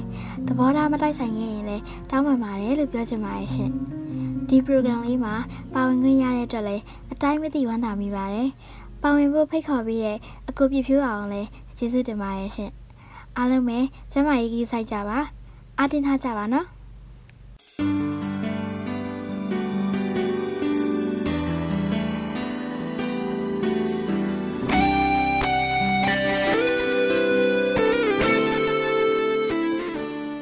ဂလာပါကျွန်တော်ကပြပြအောင်ပါကိုရင်ကမတန်ဆွမ်းသူတယောက်ပါအခုလက်ရှိမှာတော့မတန်ဆွမ်းမှုအသိပညာပေးရေဒီယိုစီစဉ်တွေဖန်တီးထုတ်လုပ်တဲ့စီမံချက်တစ်ခုမှာတာဝန်ထမ်းဆောင်နေပါတယ်အဲ့တော့ကျွန်တော်ကအမှုပညာကိုဝါသနာပါတဲ့သူတယောက်ဖြစ်ပါတယ်အဲအဲ့ဒီထဲကမှတချင်းတည်ဆိုရတာကိုကျင်းနေတတ်တဲ့သူဖြစ်ပါတယ်ဒါကြောင့်မို့လို့လေကျွန်တော်တချင်းတည်ဆိုနိုင်မှုအတွက်ကို2008ခုနှစ် နောက်ပိုင်းလောက်ခရဲကကျွန်တော်ကြိုးစားလာခဲ့တာပါအဲ့ဒီကနေကြိုးစားလာရင်ကနေ2023ခုနှစ်မှာအနက်ကရောင်စင်မြန်မာနိုင်ငံမတန်ဆွမ်းသူများအမှုပညာပွဲတော်မှာတချင်းတီဆိုဖျော်ဖြေခွင့်ရရှိခဲ့ပါတယ်အဲအဲ့ဒီနောက်ပိုင်းကစပြီးတော့မှဒီဂီတအမှုပညာလုပ်ငန်းတွေကိုလုပ်ကိုင်လာခဲ့ပါတယ်2014ခုနှစ်မှာမြန်မာနိုင်ငံမတန်ဆွမ်းသူများရှေ့ဆောင်ဖွဲ့ကစီစဉ်ထုတ်လုပ်တဲ့ အလွမ်းချီယာ11ဆိုတဲ့ဒီစီရီခွေထဲမှာကျွန်တော်တို့ဂီတအနုပညာညီကိုမောင်နှမတွေနဲ့အတူတူကျွန်တော်ရဲ့ကိုယ်တိုင်ရေးဆိုထားတဲ့ဒါတခြင်းလေးတစ်ပုဒ်နဲ့လည်းပါဝင်ခွင့်ရခဲ့ပြန်ပါတယ်2016ခုနှစ်ရောက်တဲ့အခါမှာတော့ကျွန်တော်ဝါသနာတူတငယ်ချင်းတွေနဲ့အတူတူပေါ့နော် The Finger လို့နာမည်ပေးထားတဲ့ဒီ Unblack DIY လေးတစ်ခုကိုစတင်ဖွဲ့စည်းခဲ့ပြီးတော့မှမတန်ဆွမ်းရေးလှုပ်ရှားမှု ဖျော်ဖြေပွဲတွေတာမကပဲနဲ့ကျွန်တော်အနုပညာကြီးနဲ့ပေါ့နော်ဖိတ်ခေါ်တဲ့ပွဲတွေမှာလည်းတွားရောက်ပြီးတော့မှဖျော်ဖြေပေးခဲ့ကြပါတယ်အဲ့တော့ဒီပွဲတွေမှာဆိုရင်လည်းကျွန်တော်မတန်ဆွမ်းသူတွေရောမတန်ဆွမ်းမဟုတ်သူတွေပါပါဝင်ပြီးတော့ဂီတအနုပညာလုပ်တွေကိုစူးစမ်းလုပ်ကိုင်နေပါတယ်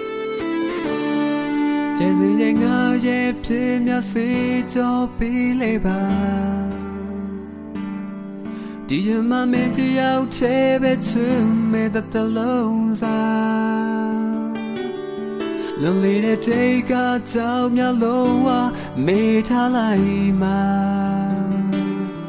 ဒီနေရာနောက်တယောက်မရှိတော့ဘူးကွာနေတယောက်ထဲချစ်မေတလုံးချစ်မေကျ မမလေးတယောက်ထဲကိုပဲအမြင်အယုံမတန်ဆွမ်းသူတွေတချင်းဆိုပြီးတော့ဒါဝင်ငွေရှာနေကြတာကိုမြင်ရတဲ့အခါမှာကျွန်တော်အနေနဲ့ကတော့ဒါကိုလေကောင်းတယ်လို့လည်းမမြင်သလိုမကောင်းဘူးလို့လည်းမမြင်ပါဘူးကျွန်တော်တို့ကဟိုရှုထောင့်တစ်မျိုးကနေပြောင်းပြီးတော့မြင်တတ်ဖို့လိုတယ်ဟိုအမြဲတမ်းတစ်ဖက်သေးကနေပဲကြည့်လို့မရဘူးပေါ့အဲ့တော့အမြင်အယုံမတန်ဆွမ်းသူတွေမှလည်းမဟုတ်ပါဘူးကျွန်တော်ဒီကိုရင်ကမတန်ဆွမ်းသူတွေလည်းခုလိုပဲတချင်းဆိုပြီးတော့ဒါဝင်ငွေရှာတာတွေကို အပြင်မှာရော online မှာပါကျွန်တော်တို့တွေ့ဘူးမြင်ဘူးပါတယ်ပြီးတော့ဟိုတန်ဆွမ်းတဲ့သူတွေကပါဒီလိုနီးနေတာဝင်ငွေရှာနေကြတာကိုလည်းမြင်ဘူးပါတယ်အဲ့တော့ကိုတက်ကျွမ်းတဲ့အတတ်ပညာတစ်ခုခုနဲ့ပေါ့နော်ဒါရိုးသားစွာဝင်ငွေရှာတာဟာအာအပြစ်မဟုတ်ဘူးလို့မြင်ပါတယ်အာအပြစ်လို့မြင်တဲ့သူတွေလည်းရှိမှာပါပေါ့နော်ဟိုဒါတော့ဟိုကျွန်တော်မပြောလို့ပါဘူးအဲ့တော့ ဟိုဒီနေရာမှာကျွန်တော်အတွေ့အကြုံလေးတစ်ခုကိုလည်းကျွန်တော်ပြောပြချင်ပါတယ်အဲ့တော့ကျွန်တော်ကိုယ်တိုင်ကလည်းဒီပွဲတွေအခမ်းအနားတွေရဲ့ဆင်မြင့်ထက်မှာတချင်းတီဆိုခဲ့ပူတဲ့သူတစ်ယောက်ပါအဲ့တော့ဟိုပြီးတော့ဒီအများပြည်လူသွားလာကြတဲ့ဒီ public area တွေမှာလည်းတချင်းတီဆိုပူပါတယ်အဲ့တော့အဲ့လိုမျိုးပွဲတွေမှာအာတချင်းဆိုတဲ့အခါမှာတချို့ပရိသတ်တွေကပေါ့နော်ကျွန်တော်ရဲ့ဖြောပြမှုကိုဒါသဘောကျတဲ့အခါမှာအာစုငွေတွေချီးမြှင့်တတ်ကြတယ် ဆိုတော့အဲ့ဒီအခါမှာကျွန်တော်ဟိုးအရင်တုန်းကပေါ့နော်တချင်းတွေစဆိုတဲ့အချိန်တုန်းကပေါ့အဲ့တော့ကျွန်တော်အဲ့လိုမျိုးလုပ်ရင်လေကျွန်တော်အရန်စိတ်ဆိုးတယ်ဟိုယူလဲမယူခြင်းဘူးယူလဲမယူခဲ့ဘူးပေါ့နော်အဲ့တော့လက်သေးကိုအဲ့လိုမျိုးအတင်းထိုးထိတ်သွားရင်တော့မှပဲဒါမကောင်းတဲ့လို့ခဏတော့ယူထားလိုက်တယ်ပေါ့ပြီးမှကျွန်တော်ဟိုတခြားတယောက်ကိုပေးပစ်လိုက်တာမျိုးတွေလည်းကျွန်တော်လုပ်ဖို့တယ်အဲ့တော့ကျွန်တော်ဘာလို့ဒီလိုဖြစ်တာလဲဆိုတော့ ကျွန်တော်ရဲ့စိတ်ထဲမှာဒါဟာဟိုရှက်စရာကောင်းတယ်တိတ်ငယ်စရာကောင်းတယ်လို့ကျွန်တော်ခံယူထားလို့ဗျပရိသတ်တွေကကျွန်တော်ရဲ့အမှုပညာကိုသဘောကျလို့ဒါချီးမြှင့်တာလို့ကျွန်တော်မမြင်ဘူးမြင်လဲမမြင်တတ်ခဲ့ဘူးပေါ့နော်ဒါမဲ့နောက်ပိုင်းဒီတချင်းဆိုတဲ့အတွေ့အကြုံတွေများလာတဲ့အခါမှာပွဲတွေမှာသွားဆိုတာများလာတဲ့အခါမှာကျွန်တော်နားလေတာဒါဟာရှက်စရာမဟုတ်ဘူးသူများပစ္စည်းခိုးရလည်းမဟုတ်ဘူးသူများပတ်စံ ကိုမတရားယူတာလည်းမဟုတ်ဘူးပေါ့နော်အဲ့တော့ကျွန်တော်နှုပညာကိုသဘောကျလို့ချစ်ခင်လို့ဒါပရိသတ်ကကျွန်တော်ချီးမြှင့်တာပဲကျွန်တော်လက်ခံရမယ်ပေါ့နော်ဒါမှပရိသတ်ကိုဒါလေးစားရလေရောက်တယ်အသိမှတ်ပြုရလေရောက်တယ်လို့ထင်တယ်ပေါ့နော်ဒါကြောင့်အော်နောက်ပိုင်းဆိုလို့ရှိရင်ကျွန်တော်မရှက်တော့ပြီးတော့ဟိုကျွန်တော်ကိုယ်တိုင်ကလည်းဒီဂီတအနုပညာနဲ့အဲတနည်းအားဖြင့်ပေါ့နော်ဒီတချင်းဆိုပြီးတော့မှအသက်မွေးဝမ်းကြောင်းပြုတ်နိုင်တဲ့သူတယောက်ကျွန်တော်အရင်ဖြစ်ချင်ခဲ့တယ်ပေါ့နော်အဲ့တော့ အနုပညာနဲ့အသက်မွေးတာကိုဒါကိုအလုပ်တစ်ခုလို့လည်းကျွန်တော်တို့မြင်တယ်အော်နောက်တော့အခုလိုကာလမှာပေါ့နော်ဟိုအားလုံးလဲခက်ခဲကြတယ်မတန်ဆွမ်းသူတွေဆိုရင်လည်းဒါပို့ပြီးတော့ခက်ခဲကြမှာပါအဲ့တော့ဒီလိုခက်ခဲတွေတွေ့လာတဲ့အခါမှာဘယ်သူမှလည်းဒါသူတို့ကိုအပြည့်အဝမကူညီပေးနိုင်ကြဘူးဗျအဲ့တော့ဟိုအလောက်ကင်ခွင်လန်းဆိုရင်လည်းဒါမပေးနိုင်ကြဘူးလေအဲ့တော့ဟိုကျွန်တော်တို့မတန်ဆွမ်းသူတွေကပဲ ကျွန်တော်ကိုယ်တိုင်ကပဲကြိုးစားရက်တည်ရတယ်အဲ့တော့အဲ့ဒီခါမှာကိုတက်တဲ့ပညာရက်တွေကိုအသုံးချပြီးတော့မဖြစ်ဖြစ်တဲ့နီးနဲ့ပေါ့နော်ဝင်ငွေရှာဖွေကြရတယ်အဲ့ဒီနေရာမှာသူတို့ဟာမခိုးဘူးမလိမ်ဘူးเนาะသူများတွေဒုက္ခရအောင်မလုပ်ဘူးသူတို့ယူသားစွာရှာဖွေစားတောက်တယ်အဲ့တော့ဒီလိုလောက်ကင်တဲ့နေရာမှာအခုလိုတချင်းဆိုပြီးဝင်ငွေရှာကြတဲ့အပေါ် ကျွန်တော်အနေနဲ့ကတော့ပြစ်မမြင်စေချင်ဘူးပေါ့နော်အော်သူတို့လည်းဒါစင်ပေါ်မှာဘယ်လိုပဲဖြစ်ဖြစ်ဒီခန့်ခန့်ထဲထဲကြီးနဲ့ဒါတချင်းဆိုပြီးတော့ဝင်ငွေရှာချင်ကြမှာပါအဲ့တော့ဆိုင်ကြီးကနားကြီးတွေမှာလည်းဂီတာလေးတီးပြီးတော့ဝင်ငွေရှာချင်ကြမှာပါဒါပေမဲ့ဘလို့မှမတက်နိုင်တဲ့အခါမဖြစ်နိုင်တဲ့အခါ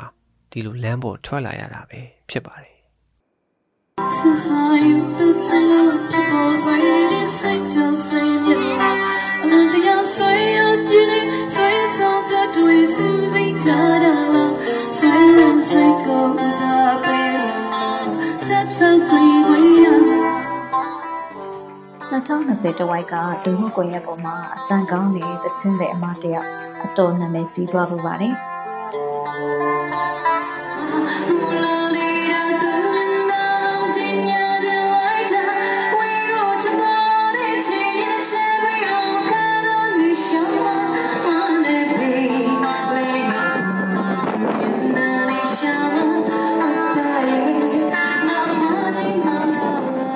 အဲ့ဒီတော့ကသူပေါအောင်ဆိုခဲ့တဲ့ခွင့်လွတ်ပေးဖို့တောင်းပန်ခြင်းဆိုတဲ့တခြင်းရဲ့မူရင်းအဆိုရှင်မချယ်ရီတင်းကအဲ့ဒီတခြင်းတဲ့မမတွေစီကိုတွားရောက်ပြီးတော့မှသူတို့နဲ့အတူဖြောပြပေးခဲ့တာတွေကိုမီဒီယာမှာကျမလည်းတွေ့ခဲ့ဥပါတယ်ကျမကအခုဆိုတော့ညီမလေးနဲ့ Facebook ကနေတဆင့်ဆက်သွယ်ပြီးတော့မိမြင်ထားပါသေးတယ်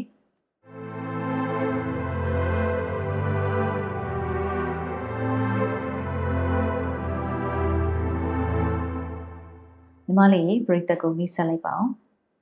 အာမင်္ဂလာပါရှင်ညီမကတော့အဆိုတော်ချေသိန်းဖြစ်ပါတယ်ရှင်ဒီနေ့အမဆွေးနွေးခြင်းတဲ့အကြောင်းအရာကတော့လမ်းပေါ်ကတခြင်းတွေကိစ္စပါညီမလေးရဲ့အထူးသဖြင့်မြန်မာနိုင်ငံမှာသတ်မှတ်ထားတဲ့မတန်ဆွမ်း၄မျိုးအဲ့ဒါတွေကကိုအင်ကအမြင်အာယုံအပြိုးကြားအာယုံနဲ့ညင်ရီမတန်ဆွမ်းနေပေါ့နော်ဒီမတန်ဆွမ်း၄မျိုးအရာဆိုရင်တေဂီတာကိုတီဆူတိခတ်နိုင်တာကအမြင်အာယုံနဲ့ကိုအင်ကပဲရှိတယ်ပေါ့အဲ့ဒီထဲမှာမှအမားတို့ပြည်သူအတန်ကောက်တဲ့အခါ ကိုအင်ကတခြင်းတွေတွေကနေပြီးတော့အမြင်အာရုံတခြင်းတွေမြင်ဘူးတာများတယ်ဆိုတာတွေ့လာရတယ်ပေါ့နော်အထူးသဖြင့်ဒီ COVID-19 ကာလအတွင်းမှာအမြင်အာရုံမတန်ဆွမ်းသူတခြင်းတွေပေါ့နော်အရင်ကထပ်ပိုများလာတယ်ဆိုတာကိုယ်တိုင်ပဲမကြာခဏဆိုသလိုကြုံတွေ့ရတယ်လေဒီလိုမျိုးအကြောင်းအကြောင်းကြောင့်2020ခုနှစ်တဝိုက်မှာလည်းဒီလူမှုကွန်ရက်ပေါ်မှာလမ်းပေါ်ကအမြင်အာရုံမတန်ဆွမ်းအဆိုရှင်စုံတွဲရဲ့တည်ဆူမှုဟာလူသိများလာတဲ့အခါမှာအမျိုးမျိုးသောရိုက်ခတ်မှုတွေရှိလာတယ်ပေါ့နော် အာဒီမှာကအမအမြင်ဆိုရင်ပြိသက်ကနှစ်ချမ်းကွဲနေတယ်လို့ဆိုရမလားပဲတချို့ကကြတော့သူတို့ရဲ့အရေးချင်းတဲ့လုပ်ရအပေါ်မှာစာနာနားလည်မှုနဲ့အသိမှတ်ပြုတုံ့ပြန်ကြလိမ့်မယ်တချို့ကကြတော့လေသူတို့ကိုထိခိုက်စော်ကားလာတဲ့အထိပြောဆိုရေးသားလာကြရတယ်လေမြင်တွေ့ကြသိရတယ်ပေါ့နော်ဒီတော့ညီမလေးရဲ့ခွင့်လွှတ်ပေးဖို့တောင်းပန်ခြင်းဆိုတဲ့တခြင်းနဲ့လူမှုကွန်ရက်မှာကြော်ကြားလာတဲ့အထိပရိသတ်အားပေးမှုရလာတဲ့အခါမှာညီမကိုယ်တိုင်လည်း ဒီ social တွေနဲ့တွားပြီးတော့မှမီဒီယာတွေမှာဖျော်ပြနေတာကိုလည်းအမှမြင်ဘူးတယ်ပေါ့နော်ဒါကြောင့်လည်းအခုလိုညီမလေးကိုယ်တိုင်ဒီအစီအစဉ်မှာပါဝင်ပြောဆိုပေးဖို့အတွက်အမှကမ်းလှမ်းရခြင်းဖြစ်ပါတယ်ဒီတော့အခုလိုလမ်းပေါ်မှာအသက်မွေးနေရတဲ့အမြင်အာရုံမတန်ဆွမ်းသူတချင်းတွေပေါ်မှာညီမလေးအနေနဲ့ဘယ်လိုမျိုးရှုမြင်သုံးသပ်မိသလဲဆိုတာသိချင်ပါတယ်။ ဒီ2020တုန်းကပေါ့နော်မက္ကာယန်ချိုတို့နဲ့အတူပေါ့နော်အာဆာကိုလန်မှာဒါသူတို့နဲ့အတူတူဖြောပြဖြစ်တဲ့ဗီဒီယိုကတော်တော်များများလဲဒါ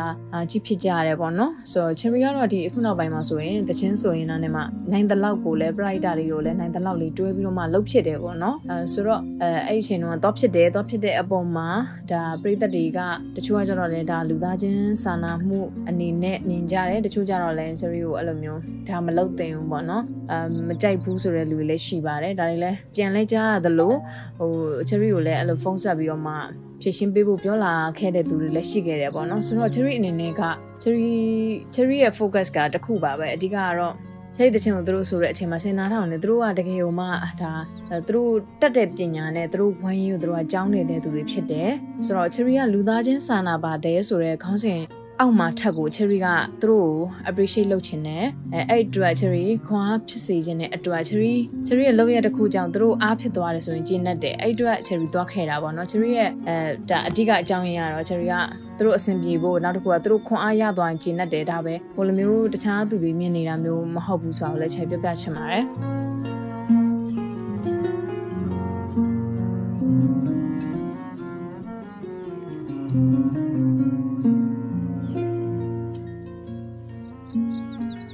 ဟုတ်ပါပြီညီမလေးပြောရမယ်ဆိုရင်တော့ညီမလေးရဲ့အခုအမားတို့ဆွေးနွေးနေတဲ့အကြောင်းအရာနဲ့ပတ်သက်ပြီးတော့မတန်ဆွမ်းတိုင်ဝမ်မှာအတော်များများကလက်ခံဆွေးနွေးဖို့ဆိုလို့ရှိရင်နည်းနည်းတပ်ဘူးတစ်ခုလို့ပေါ့နော်တပ်ဘူးဆိုတာကဒီမထီရဲမတို့ရဲတဲ့အကြောင်းကိစ္စတစ်ခုဒါမှမဟုတ်မလုပ်ရဘူးမလုပ်သင့်ဘူးဆိုတဲ့ပြည့်ညက်ချက်တစ်ခုလိုမျိုးလူတွေရဲ့အမြင်မှာရှိနေတဲ့ကိစ္စတစ်ခုပေါ့နော်ဒါကိုအမတို့က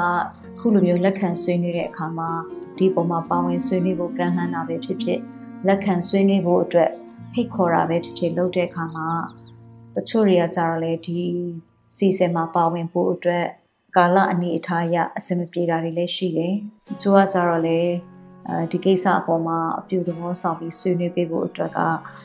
နည်းနည်းလက်ဆောင်ခြင်းတဲ့အနေအထားမှာရှိတယ်ပေါ့နော်။ဒါမဲ့လည်းညီမလေးရဲ့ဒီကိစ္စမနေ့တနေ့မှထားပေါ်လာတာမဟုတ်ဘူး။ဟိုးဘိုးဘွားဆန်ဆက်ကလေးကပေါ်ပေါက်လာခဲ့တဲ့တကယ်ကိုမထီးရဲမတွေ့ရတဲ့ အကြောင်းတစ်ခုလိုပဲသုံးသက်လို့ရတယ်ပေါ့နော်။အဲ့တော့အမားတို့အခုလိုတင်ဆက်နေတာကလည်းအမားတို့နိုင်ငံသားအချင်းချင်းဒီလိုစက်တဲတဲ့ကာလမှာဘယ်လိုရိုင်းပင်းပြီးတော့အနေအထားတစ်ခုကိုမြင့်တင်နိုင်မလဲဆိုတော့နည်းနည်းနည်းနည်းတွေးနိုင်ရင်တွေးနိုင်သလောက်ဒီအစီအစဉ်ကနေပြီးတော့အဖြေကူရှာပေးနေတဲ့သဘောပါပဲ။ဒါကြောင့်လည်းအမားတို့အနေနဲ့အလှအဆုံးရဲ့အတန်ဆုံးကိုပါဝင်နိုင်အောင်တက်နိုင်သလောက်စူးစီးချိတ်ဆက်ထည့်သွင်းပေးထားပါတယ်။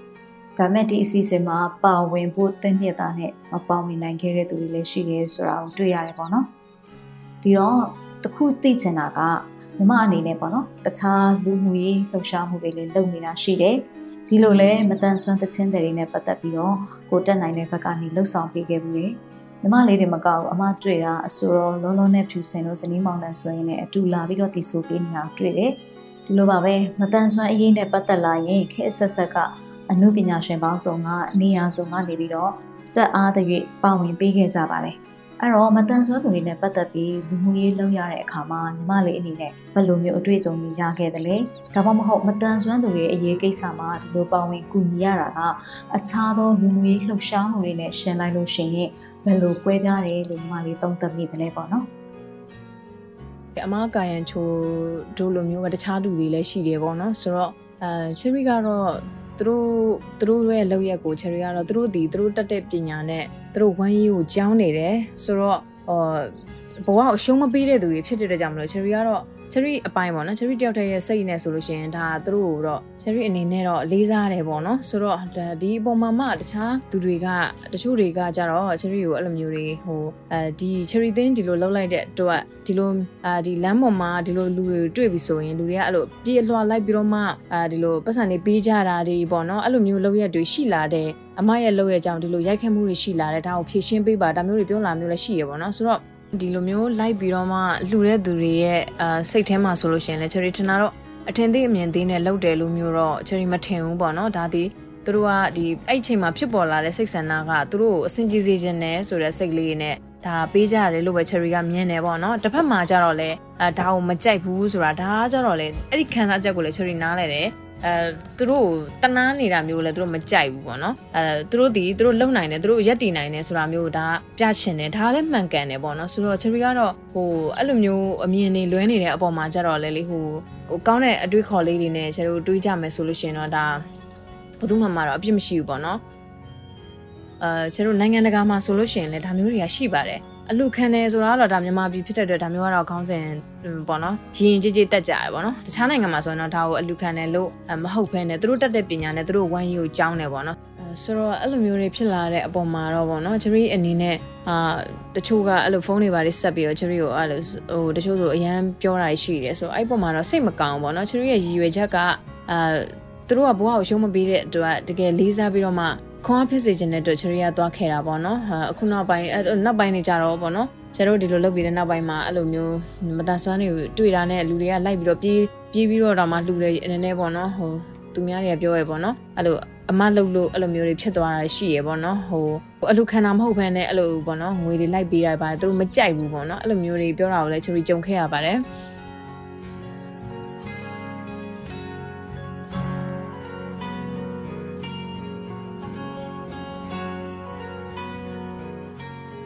အဲ့တော့ညီမလေးရဲ့ဒီလမ်းပေါ်ကသချင်းတွေအပေါ်မှာပြည်သူတွေအနေနဲ့လည်းအမြင်တွေပြောင်းလဲလောက်အောင်မြင့်တက်ပေးဖို့အတွက်ဆိုလို့ရှိရင်ညီမအနေနဲ့ဘလို့များဆွေးနွေးအကြံပေးခြင်းတယ်ပေါ့နော်။အော် cherry တယောက်တည်းအမြင်ကတော့လူတွေဟာသူတို့တက်တဲ့ပညာလေးတွေနဲ့အဲသူတို့ဝမ်းရည်ကိုသူတို့နိုင်တယ်လို့လေးပေါ့နော်။ရုန်းကန်နေကြရတယ်လို့ cherry ကမြင်ပါတယ်။ဒါပေမဲ့တစ်ဖက်မှာကျတော့လေဒါမျိုးလေးတွေကိုမဖြစ်စေချင်တာကိုလည်း cherry အိတ်ဆန်တာကိုလည်း cherry နားလဲပါတယ်။ ဟိုဒါတော်တော်များလည်းသိကြပါတယ်တခြားနိုင်ငံတွေမှာဆိုလို့ရှိရင်ပေါ့နော်အခုလိုလမ်းဘေးမှာဖျော်ဖြေတဲ့သူတွေကိုတချို့ဟိုထုတ်လို့သူတွေနဲ့တွေ့ပြီးတော့မှတကယ်ကိုသူတို့ကောင်းကောင်းမွန်မွန်လေးနဲ့အာဖြစ်သွားတဲ့ဟိုသူတွေလည်းရှိတယ်ပေါ့နော်ဆိုတော့ဒီနိုင်ငံမှာလည်းဒီအဲ့လိုမျိုးလေးတွေပေါ့နော်ဟိုပံ့ပိုးပေးမဲ့သူ support ပေးမဲ့သူတွေပေါ်လာပါစေလို့ဆုတောင်းပါတယ်အဲ့လိုမျိုးပေါ်လာမယ်ဆိုလို့ရှိရင်ဒီ industry ကအရန်ကိုဟိုကောင်းသွားမယ်အဲပြီးတော့ဒီလိုလမ်းဘေးမှာအလှခံတဲ့သူလည်းအရန်နေသွားမယ်လို့ cherry မြင်နေပေါ့နော် နောက်တစ်ခုအနေနဲ့ cherry တွေးမိတာပေါ့နော်အဲကျွန်တော်ဒီလိုမျိုးအမြင်အာရုံချုပ်တဲ့တာပဲဖြစ်ဖြစ်အကြအာရုံချုပ်တဲ့တာပဲဖြစ်တခုခုပေါ့နော်အဲဒီလိုမျိုးချုပ်ရင်းတဲ့သူတွေထဲကမှတကယ်တော်တဲ့သူတွေရှိရပေါ့နော်တချို့အတိပညာမှာတော်တာတချို့အဆိုပညာမှာတော်တာအာတခြားတခြားတော်တဲ့ဟာလည်းအများကြီးရှိရပေါ့နော်ဆိုတော့ဒီလိုတချို့ instrument ကောင်းကောင်းတီးတတ်တဲ့သူတွေလည်းရှိတယ်ဆိုတတ်တဲ့သူတွေလည်းရှိတယ်ဆိုတော့အချင်းကအာသူတို့အတွေ့အတွက်ပေါ့နော်အဲ့လို concept လေးလုပ်ပေးစေချင်တယ်အဲ့လိုဆိုလို့ရှိရင်သူတို့ကတဖြည်းဖြည်းချင်းနဲ့အာတကယ်ကိုမြင့်တဲ့ live ကိုသူတို့ရရှိမယ်လို့ချဲ့ထင်တယ်ပေါ့နော်အဲ့လိုတခြားနိုင်ငံတွေမှာဆိုလဲကျတို့တွေ့တယ်ပေါ့နော်အဲ့လို concept လေးလုပ်ပေးတယ်သူတို့သူတို့ရက်လေးတွေနဲ့သူပေါ့နော်အဲ့လိုမျိုးလေးဖြစ်လာမယ်ဆိုရင်တော့ဒါကောင်းတဲ့အရာလေးတွေဖြစ်လာမယ်လို့ cherry ကမျှော်လင့်နေပေါ့နော် cherry ကတော့ပေါ့နော်အဲတကယ်ကိုမှအခုလိုလမ်းဘေးမှာဖြောပြနေတဲ့သူတွေထဲကမှတကယ်ကို talent ရှိတဲ့သူတွေကိုပေါ့နော် အာစင်တင်ပေးနိုင်မဲ့သူတွေပေါ်လာမယ်ဆိုလို့ရှိရင်တော့ဒါတော်တော်လေးကိုမှလမ်းဘေးမှာအလူခံတဲ့သူရှော့နေသွားမယ်လို့ cherry မြင်တယ်ပြီးတော့အာသူ့ဟာလေးနဲ့သူသူ့ရဲ့ life လေးနဲ့သူသူတို့လည်းကောင်းကောင်းမွန်မွန်လေးဖြတ်တန်းရမယ်လို့လည်း cherry အာဒါ cherry ထင်နေပေါ့နော်ဆိုတော့အဲ့လိုလူမျိုးတွေပေါ်လာပါစေလို့ cherry ကတော့ဆုတောင်းပါတယ်ရှင်။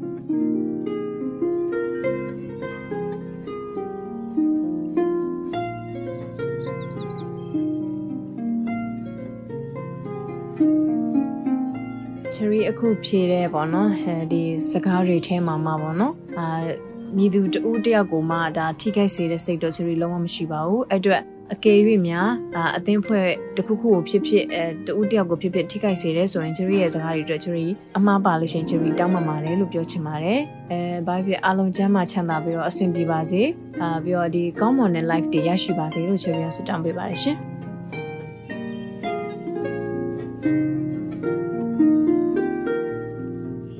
မိတ်ဆွေတွေတတိယပိုင်းမှာတော့မတန်ဆွမ်းမှုနဲ့ပဲဆုံးကပညာရှင်တွေရဲ့ရှုမြင်သုံးသပ်မှုတွေကိုလည်းနားဆင်ရအောင်မှာဖြစ်ပါတယ်။ဒါကြောင့်မို့လို့ကျမတို့ရဲ့ podcast အစီအစဉ်တွေကိုလက်မလွတ်စေဖို့ MCA Network ရဲ့ page ကို like ဒါမှမဟုတ် follow လုပ်ထားနိုင်ပါတယ်။ဒါ့အပြင်မိတ်ဆွေမှာ Anchor account ရှိနေရင်လည်းကျမတို့ရဲ့အစီအစဉ်ကို follow လုပ်ထားလို့ရပါတယ်။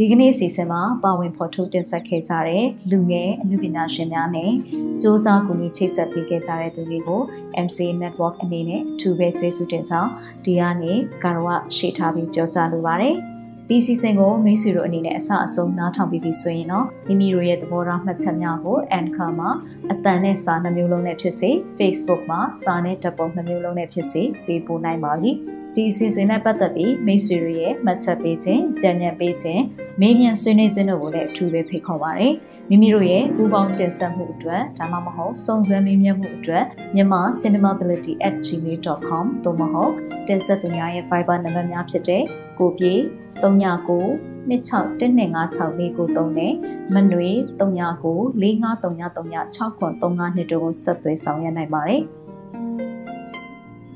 မိတ်ဆွေတို့အနေနဲ့ဒီအစီအစဉ်ကိုမတိသေးသူများသိဖို့လိုအပ်နေသူများမတန်ဆွမ်းရေးကိုမိမိတို့ရဲ့လုပ်ငန်းခွင်အသီးသီးမှာထည့်သွင်းဆောင်ရွက်ဖို့စိတ်ပါဝင်စားသူညီသူကိုမဆိုထပ်ဆင့်ဝေမျှပေးနိုင်ပါတယ်။မြန်မာပြည်သူပြည်သားအားလုံးမတန်ဆွမ်းမှုအသိပညာတွေတိုးပွားကခွဲခြားဆက်ဆံမှုကင်းပြီးအားလုံးအကျုံးဝင်တဲ့လူမှုအတိုင်းအဝန်တစ်ခုကိုအမြန်ဆုံးဖော်ဆောင်နိုင်ပါစေလို့ဆန္ဒပြုရင်းဒီကနေ့အစီအစဉ်ကိုဒီမှာရင်ရနာပါရစေ။တော်တာရှင်အားလုံးနေ့ရက်အတိုင်းမှာကောင်းကြီးမင်္ဂလာပေါင်းများစွာ ရယူပိုင်ဆိုင်နိုင်ပါစေလို့လည်းကျမကဆုတောင်းမေတ္တာပို့သအပ်ပါတယ်။နောက်ပတ်စနေနေ့ည9:00နာရီမှာပြန်ဆောင်ကြရအောင်နော်။